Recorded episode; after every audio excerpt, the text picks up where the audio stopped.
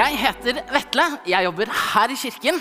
Det du trenger å vite om meg, er at jeg er gift med hun som sto her og sang lovsang med blå skjorte.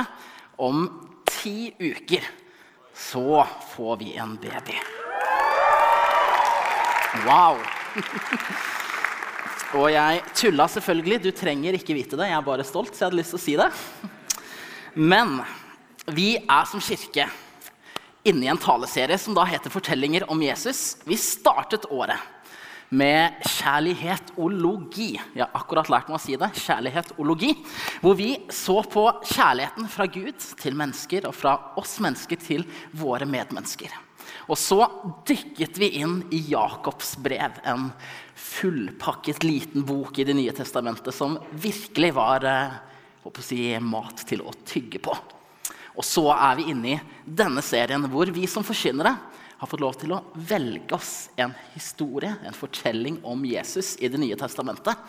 Og håpet er at dere kan komme litt nærmere på hjertet vårt. At vi kan dele virkelig noe som kanskje ligger enda tettere på enn alle mulige slags tematikker som vi setter som alle skal igjennom. Dere skjønner greia? Ok. Ja, noen nikker. Galleriet nikker. Det er det viktigste. Vi er på vei mot kirkens klimaks. Om noen få uker så kommer korset, døden, oppstandelsen, påsken, klimakset i kristen tro. Men der skal vi ikke gå i dag. Vi skal prøve å være i tiden og følge Jesus og disiplene hans på vei mot Jerusalem. Og så kan det være vårt privilegium at når vi leser en bibeltekst sammen nå, så kan vi lese det i lys av det vi vet, i lys av oppstandelsen. Men vi skal prøve å være litt i den reisen mot Jerusalem. Så hvis du har med en bibel nå sier jeg det bare for å poengtere. Ta med en bibel. Hvis du har en bibel, så kan du slå opp sammen med meg i Lukas evangeliet. Det kommer også opp på skjermen. Og så skal vi lese kapittel 18, 35 til 43. Og vi leser. Da Jesus nærmet seg Jeriko, satt en blind mann ved veien og tigget. Mannen hørte at det var mye folk på veien, og spurte hva som sto på.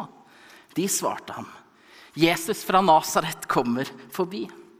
Da ropte han, 'Jesus, du Davids sønn, ha barmhjertighet med meg.' De som gikk foran, de snakket strengt til ham og ba ham tie. Men han ropte bare enda høyere. Du Davids sønn, ha barmhjertighet med meg. Jesus stanset og ba om at den blinde skulle føres fram til ham. Da han kom nærmere, spurte Jesus ham, 'Hva vil du at jeg skal gjøre for deg?' Han svarte, 'Herre, la meg få synet igjen.' Og Jesus sa til ham, bli seende. Din tro har frelst deg. Straks kunne han se, og han ga seg i følge med Jesus og lovet Gud. Og hele folkemengden som så dette, lovpriste Gud. Så lyder Herrens ord. Amen. Så hva kan denne teksten si til oss i dag? Jeg har lyst til å starte å snakke ut fra overskriften det byen ser. Jeriko, en, en frodig oase. Et fint stopp på veien mot Jerusalem, bare 35 km unna. Tilsynelatende et perfekt sted å bygge en fremtid i en forstat. Selvfølgelig bare hvis du var født inn i en rett familie. Den amerikanske drømmen. Du kan bli hva du vil har vel aldri føltes lenger unna for vår blinde venn. Når jeg gikk på videregående, så hadde jeg en kompis i klassen under meg som var blind. Og jeg kan ennå huske å si, den tids avanserte PC-er og alle hjelpemidler han hadde for å være med i vår si, vanlige klasse. Men disse hjelpemidlene de kunne vår blinde venn i dagens tekst bare se langt etter, ikke engang drømme om fantes. Han var dømt til å være på bunnen av enhver rangstige. Sittende på gata med søppel og støv som underlag. Og vi kan se for oss at han sitter der dag ut og dag inn. Er det noen som har en krone å avse? Et brød, en kaffekopp, et teppe. Når tigging er måten du får tak i mat, så kan du kanskje se for deg en tynn, desperat mann på gata. Rope frustrert til de forbipasserende. Kan du ha litt barmhjertighet? Kan du gi meg noe? Byen ser, byen hører, men byen gjør ingenting. Men denne dagen så skal det skje noe.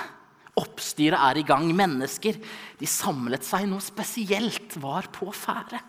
En mann ved navn Jesus var på vei inn mot byen.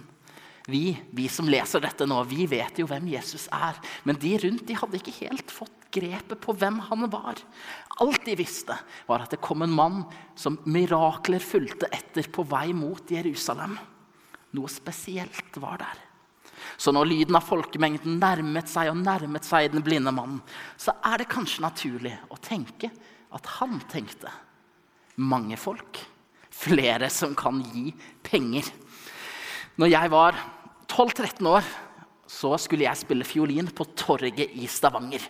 Det var eh, Tall Ship Race, en av de største båtfestivalene som finnes i verden, var kommet til Stavanger. Flere tusen mennesker samlet seg på torget. Og der sto den unge tenåringen Vetle med fiolinkassa ute.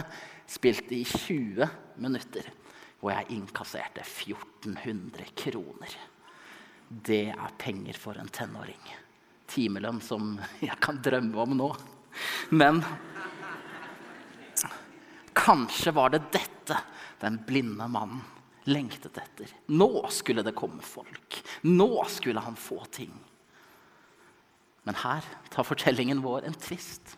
Når du kanskje vet hva som skjer, det er kanskje da vi blir blinde for det som faktisk skjer. La oss lese. Da ropte han, 'Jesus, du Davids sønn, ha barmhjertighet med meg.' Dette var ikke nok et rop om barmhjertighet til tilfeldig forbipasserende. Men nøkkelen til å forstå dette det ligger i hvem den blinde mannen tiltaler. Som profeten Jesaja hadde skrevet mange, mange år tidligere. En kvist skal skyte opp fra Isais stubbe, og et skudd skal spire fram fra hans røtter. Isai far til kong David. Og følger vi den slektslinjen, så kommer vi nettopp til Jesus. Den blinde mannen den roper ikke på en tilfeldig forbipasserende, men han roper på sin helbreder. Men ropet hans er nok ganske irriterende for de rundt. Hvem av oss er det som egentlig liker folk som står på gata og skriker? Så han blir bedt om å tie stille. Men han gir seg ikke. Kyrie, Kyrie eleison, Herre, ha barmhjertighet med meg. Historien fryser. Folkemengden, leven, lyd, folkeyr. Men gjennom alt støyet så er det som om Jesus hører ropet så tydelig. Det byen har sett, det byen har hørt. Det kommer Jesus og ser med helt nye øyne. Og du kan kanskje se for deg hvor nedverdigende og bittert det må være for de samme menneskene som har sagt 'hysj', nå blir bedt av Jesus selv om å føre mannen fram foran ham. Og så åpner Jesus munnen og spør, 'Hva vil du at jeg skal gjøre for deg?' Men Jesus Det sitter en fattig tigger foran deg. Og ikke bare er han fattig, han er blind. Hva vil han at du skal gjøre? Er du dum? Helbred ham. Gjør han rik. Altså, Behovene er jo så klare. Hadde kristen tro kun handlet om god moral, hva du skal gjøre, så hadde vår historie nå kanskje vært litt annerledes. Jeg vet ikke om du har tenkt på det spørsmålet. Hva vil du at Gud skal gjøre for deg? Jeg har i hvert fall svart på det ganske mange ganger i mitt eget liv. Gud, kan ikke du gjøre noe ganske enkelt for meg, da? Du er verdens frelser, du er verdens skaper. Ingenting er umulig for deg. Kan ikke du gi meg en kjæreste? Altså, livet mitt er på stell. Jeg har, jeg har alt. Jeg mangler bare dette. Eller Gud, jeg Jeg skal bare litt ned i vekt. Kan du hjelpe meg? Kan du sende noen venner min vei? Kan jeg tjene litt mer penger? Kan jeg få den jobben jeg trenger? Gud, ingenting er vel umulig. Fiks det. Men hvis jeg skulle ønske meg én ting, burde det ikke være heller Gud, utrydd verdens fattigdom, fjern rusmidler fra jordens overflate. Eller Gud, fjern all ensomhet. Du skjønner det greia? Vel, moral er vel og bra, og kristen tro fører til endring. Men kristen tro er ikke kun en moralsk retning for livet. For det utrolige er at vi tror på en Gud som elsker oss, og som ser oss og som ser oss personlig gjennom alt støy. Så der står vi altså midt i en folkemengde med Jesus og den blinde mannen. Spørsmålet er hva vil du at jeg skal gjøre for deg? Og den blinde mannen svarer, la meg få synet igjen. Og Jesus sier til ham, ikke for egoistisk. Han sier ikke feil bruk av ditt ønske. Men han sier, bli seende. Din tro har frelst deg. Jesus møter den blinde mannen der han er, med sine menneskelige behov, og får helbrede dem. Et synlig mirakel på den troen han bekjente da han ropte ut 'Du, Davids sønn, Jesus'.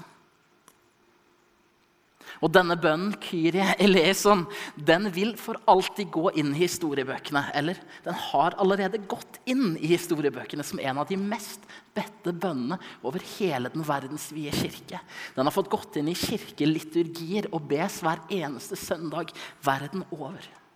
Og der står den som et rop om at verdens frelser skal ha nåde og barmhjertighet med oss. Men kanskje også som en påminner om at hele verdens frelser ser inn til hvert enkelt menneske. Kyrie eleison. Så hva kan vi lære? Hva er overføringsverdien? Jeg vet ikke hvor mange i dette rommet som har et forhold til disse armbåndene. What would Jesus do? Personlig så blir jeg av og til litt lei av kristne som bare slenger ut fraser som 'Jesus er svaret'. På hvilke spørsmål, liksom? Passer det til alt? Det Jesus modellerer i den teksten vi leste nå, er uansett hvor åpenbart et svar kan virke, så velger han å spørre først. I 2015 så gjorde jeg en av de dyreste erfaringene man kan gjøre som kristen. Jeg hadde akkurat hatt en av mine sterkeste gudsopplevelser. Jeg hadde trodd på Jesus noen få år. Eh, jeg hadde blitt kristen. Jeg kommer fra en helt sekulær familie, så jeg er eh, si, første generasjons kristen. Jeg hadde ingen kristne venner. Og måten jeg levde livet mitt på, den var 100% formet av hvordan samfunnet påvirket meg og ikke med Bibelen som en, som en rettesnor. Det var som et kart uten en kompass. Men sommeren 2015 så dro jeg på Tennoase, Oasefestivalen i Kristiansand. Og der fikk jeg mitt første møte med Se for deg en mørklagt gymsal med lys, røyk, stort lovsangsteam, flere hundre ungdommer, men også med liksom lovsangsdansere og med lovsangsmalere og hele pakka. Eh, en liten parentes, men jeg hørte akkurat på NRK sin podkast eh, Oppdatert, hvor de snakker om Asbury-vekkelsen som har skjedd i USA for noen uker siden. Og der beskrev NRK-journalisten eh, min samme opplevelse på denne måten. Mens de sang, sveiet de frem og tilbake som om de var sjøgress i havet. Så da skjønner du hvordan verden ser på karismatisk kristendom. eh, og der sto jeg plutselig, oljebarnet som sjøgress i havet, svaiet og fant meg selv med å få en opplevelse som jeg ikke trodde man kunne få. Jeg kjente Gud og Den hellige ånd på innsiden. Og der og da bestemte jeg meg for at jeg ville leve livet mitt på en måte som gjorde at når folk så Vetle, så skulle de lure på hvorfor er Vetle sånn? Han som før var sånn. At det skulle få påvirke og ha innflytelse på mine valg. Så brennende og on fire fra en kristen festival så går jeg rakrygget og fort inn i høsten som ligger foran.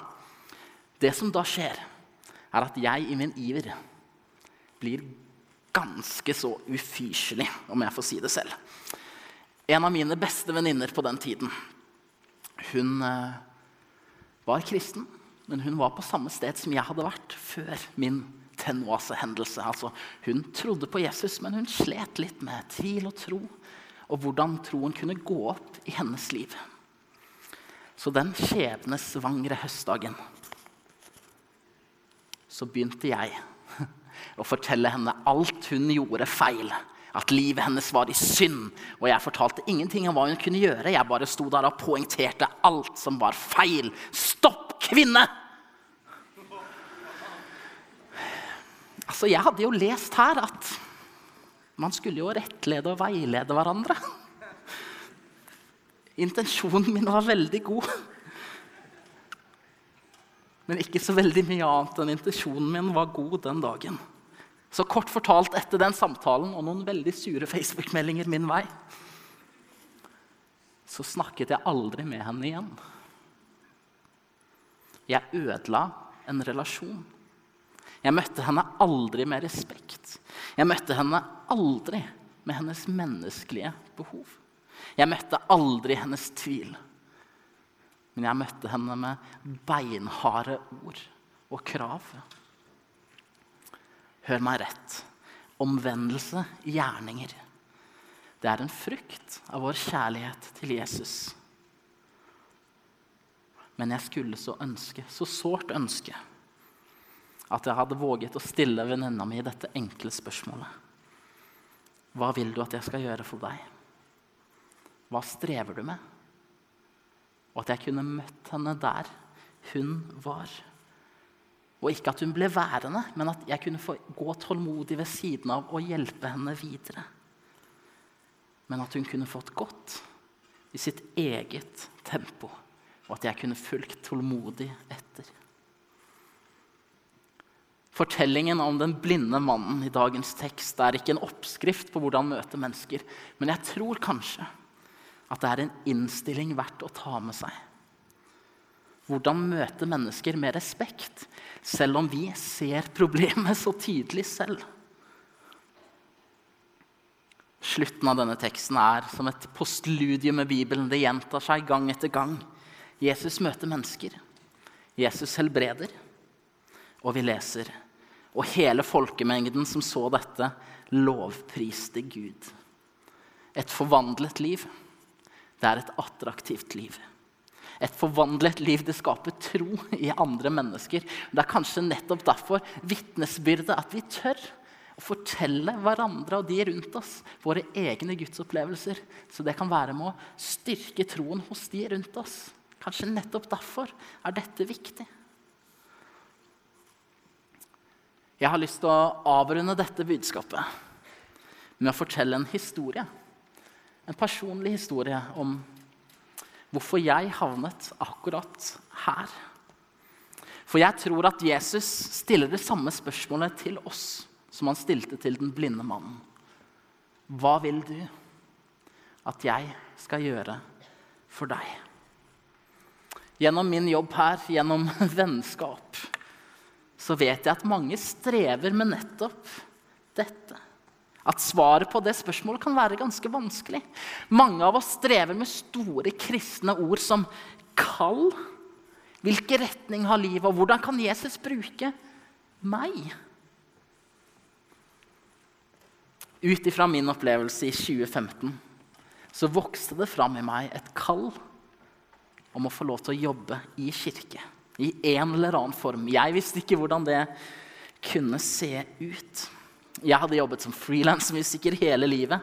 Jeg hadde ingen utdannelse, ingen annen erfaring enn musikk. Men jeg hadde lyst til å hjelpe andre til å få den samme opplevelsen av hvem Jesus er, som jeg selv hadde fått erfare den sommeren i 2015. Jeg søkte på teologistudiet to år. Ikke fordi jeg ikke kom inn, men jeg håper å si alle steder som hjelper folk til å studere teologi, de trenger studenter. Så søk teologi. Men jeg turte aldri begynne. Satse på noe så annerledes. En dag så ringte David André Østby, en av pastorene her i kirka, og sa Vetle, du er jo musiker, og vi, jeg har lyst til å skrive noe mer lovsang. Kanskje vi skulle prøve å skrive sammen? Ja, det har jeg lyst til. Og kort fortalt, høsten 2016 så kommer Stor av din trofasthet ut her fra kirka, som jeg hadde fått lov til å være med å skrive. Og det var første gang jeg erfarte at musikk, mine gaver, og kirke, mitt kall, forente seg. Men så var det dette, da, dette Jeg ville ikke bare skrive og være sånn musiker på siden. Jeg hadde lyst til å jobbe i kirke med dette på fulltid. Det som da skjedde, er at jeg fikk min mulighet. Det jeg hadde drømt om, det skjedde. En dør åpnet seg, og jeg fikk et tilbud om å flytte til Stavanger og jobbe med lovsang og musikkutvikling i en fantastisk kirke, Imi-kirken i Stavanger. Jeg trivdes jo i Oslo, jeg ville ikke flytte. Altså, Uten sammenligning for øvrig så føltes det litt som en sånn profethistorie i Det gamle testamentet. Altså, Gud åpner en dør, men jeg nekter å gå inn. Men hva skulle jeg gjøre? Så jeg gjorde det enhver frustrert kristen har gjort før meg. Jeg fant en bibel, så gjorde jeg sånn. Tal Gud. Og til min forferdelse så er det første jeg leser på min pekefinger Forlat byen. Ja Jeg bare regnet med at det ikke var fra Gud, så jeg la det bort. Eh, Gud åpnet en dør. Han ga meg tegnet jeg spurte etter. Men jeg står her. Jeg flyttet aldri til Stavanger. Jeg Jeg gikk bort fra den døren som Gud åpnet for meg. Spoler vi fram til 2016, så turte jeg endelig å begynne å studere teologi. Og spoler vi noen år til fram, så får jeg lov til å stå her og jobbe i denne kirken. Og oppleve å få gå i Guds plan for mitt liv. Poenget her er ikke bare å fortelle min historie. Men det jeg tror mange trenger å høre, er at jeg mistet ikke min sjanse min ene sjanse i 2016. Gud var ikke ferdig med meg. Og på samme måte tror jeg det er veldig mange mennesker i dette rommet som sitter med dårlig samvittighet eller skyld for å ha gått bort fra det Gud sa. Og gått forbi en mulighet som Gud åpnet. Gud er ikke ferdig med oss. Spørsmålet fra Gud, 'Hva vil du at jeg skal gjøre for deg?' Det er en personlig invitasjon. Men hør, du er ikke en dårlig kristen hvis du ikke finner svaret på det spørsmålet med en gang. Du trenger ikke være her fra dag én. Nøkkelen, det ligger i livets retning.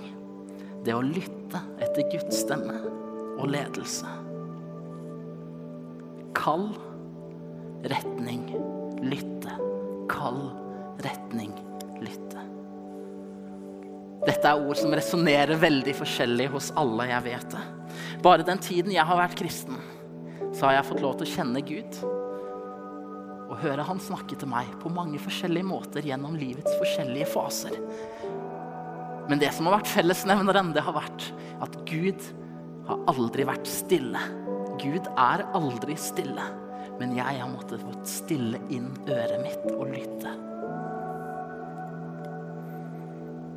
Det kallet som du fikk for mange år siden, det bibelordet noen ga til deg på en festival, eller det ungdomslederen sa til deg, eller det du fikk når du ba til Gud, som du ikke turte å gå på. Jeg har lyst til å si noe til deg. Gud er ikke ferdig med deg. Han vil alltid åpne en ny dør. Du som sitter her med dårlig samvittighet eller fortvilelse over å ikke føle noe, og føle at du ikke har fått et kall ikke en plan eller en visjon. Du, glem den dårlige samvittigheten. Kanskje er nøkkelen å ikke bare se til det overnaturlige og ekstreme. Gud har en plan for deg. Frukten av Jesus sine under i Bibelen det er at de ærer Gud. Vi ser det bare i den teksten vi leste i dag, at folk så under helbredelsen og lovpriste Gud. Er du i tvil om hva ditt kall er, så still deg selv dette spørsmålet. Hva i mitt liv fører andre nærmere Gud? Hva i mitt liv, i ditt liv, fører andre nærmere Gud? Svaret på det spørsmålet det er ganske ransakende. Og hvis vi er ærlige, ganske så utfordrende. Men tør vi å være ærlige med oss selv, så er det kanskje også med å sette en retning for vårt liv. Det siste jeg har lyst til å si, det er dette. Når jeg forberedte meg til denne talen, så gikk det opp for meg alle de menneskene som har fått bety noe i mitt trosliv. Jeg hadde nok ikke stått her hvis ikke disse menneskene hadde latt seg bruke og var villige til å gå sammen med Gud. Så hva hvis vi i respons, som i en respons av takknemlighet, kunne ta oss to minutter i dag to minutter til å ta opp mobilen og sende en melding til noen som har betydd noe for oss, og bare skrive helt enkelt 'Tusen takk for det du betydde når du prikk, prikk, prikk, prikk'. Så kan vi oppmuntre hverandre. Men dere, jeg tror også at mange av de menneskene som dere nå tenker på, ikke selv tenker om det de har gjort. At dette var en superkall fra Gud, eller at de bare var trofaste i det lille. Så gjennom å sende en melding i takknemlighet, så kan vi kanskje faktisk vise andre mennesker at når de var trofaste i det lille, så var de stødige på Guds plan for deres liv. Så kan vår oppmuntring bety noe mer enn bare at vi får sagt takk fra oss. Hva i mitt liv fører andre nærmere Gud? La oss be. Herre, lær oss å kjenne dine veier. Hjelp oss å lytte.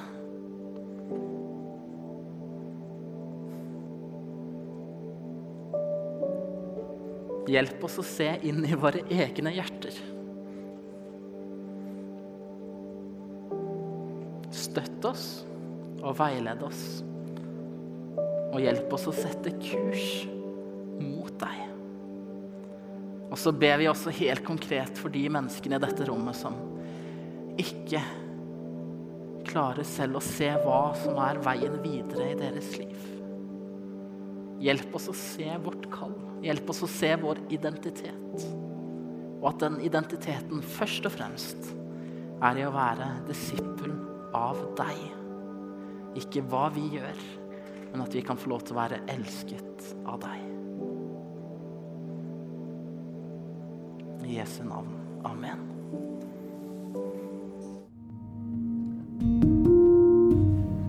Du har nå hørt en podkast fra Filadelfia-kirken i Oslo. Vil du vite mer om oss, gå inn på filadelfia.no.